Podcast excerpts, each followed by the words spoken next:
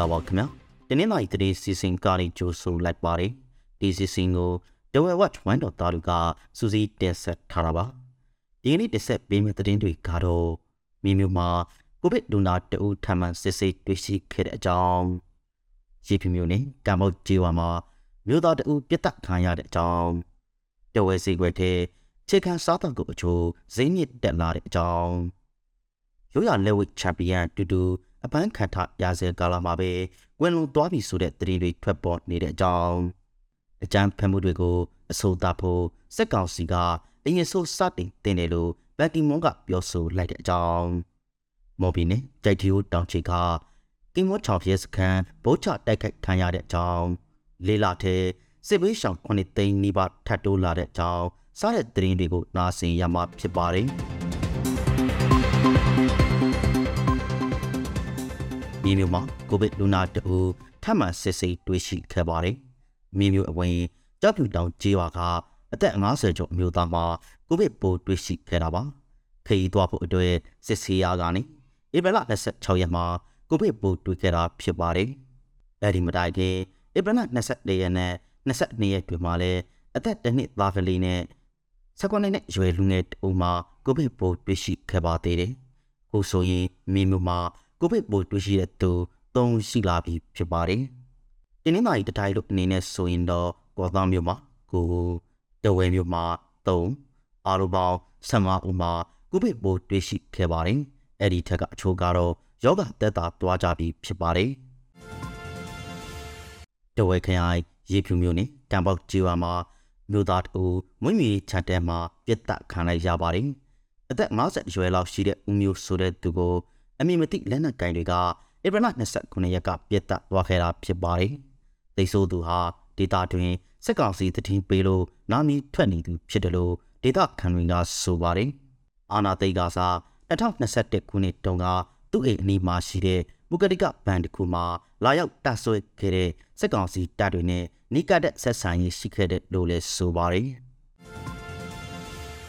တဝဲစည်းကွက်တဲ့ ခြေကန်စားပတ်ကိုအချိုးဈေးညစ်တက်လာပါတယ်။ဆန်စားသုံးစီပါဝင်တဝဲဈေးကွက်တဲ့ခြေကန်စားပတ်ကိုအချိုးဈေးညစ်တက်လာပါတယ်။ပြီးခဲ့တဲ့အပတ်ကတသိန်း2300ပဲရှိတဲ့ရှီဘိုပေါ်ဆန်ဆက်တဲ့အေဟာအခုဆိုရင်6000ကျားလောက်ဈေးတက်သွားပါတယ်။လာတူပဲပြီးခဲ့တဲ့အပတ်က8900ကျားလောက်ပဲရှိတဲ့အကယ်ဒမီပေါ်ဆန်နဲ့ကြက်9000လောက်ဈေးတက်သွားပါတယ်။စားသုံးစီကြက်တော်စားတဲ့ ခြေခံစားသုံးကိုတွေလည်းဒီပတ်ထဲဈေးညစ်တက်လာတာကိုတွေ့ရပါတယ်။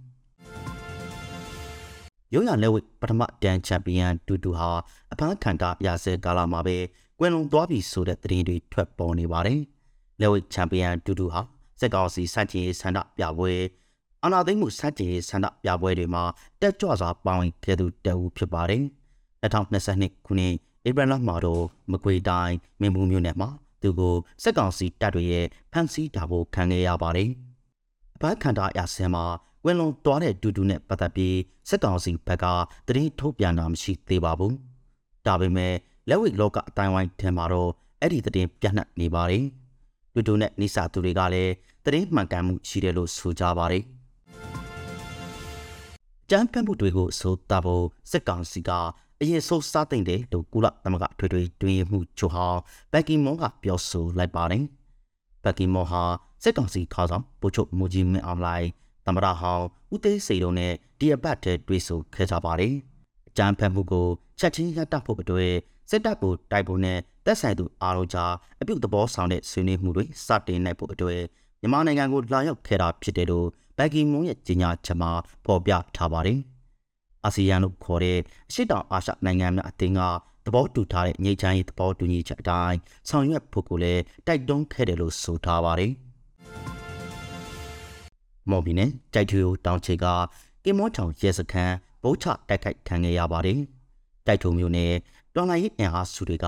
ဧပြီလ29ရက်ညနေ4နာရီကျော်အချိန်မှာကင်မောချောင်အင်မီရဲစခန်းကိုဒုံနဲ့ဗုတ်ချတိုက်ခိုက်ခဲ့တာဖြစ်ပါတယ်။စခန်းမီလောင်ပြကျသွားတယ်လို့ တော်လိုင်းရဲ့အဖွဲ့တွေကထုတ်ပြန်ထားပေမဲ့တိကျအတီးမပြူနိုင်သေးပါဘူး။စခန်းတက်ခိုက်ခံရပြီးမှစခန်းထဲကစစ်ကောင်စီတပ်ဖွဲ့ကလက်နက်ကြီးလက်နက်ငယ်တွေနဲ့ပြန်လည်ပစ်ခတ်ခဲ့တယ်လို့လည်းဆိုပါတယ်။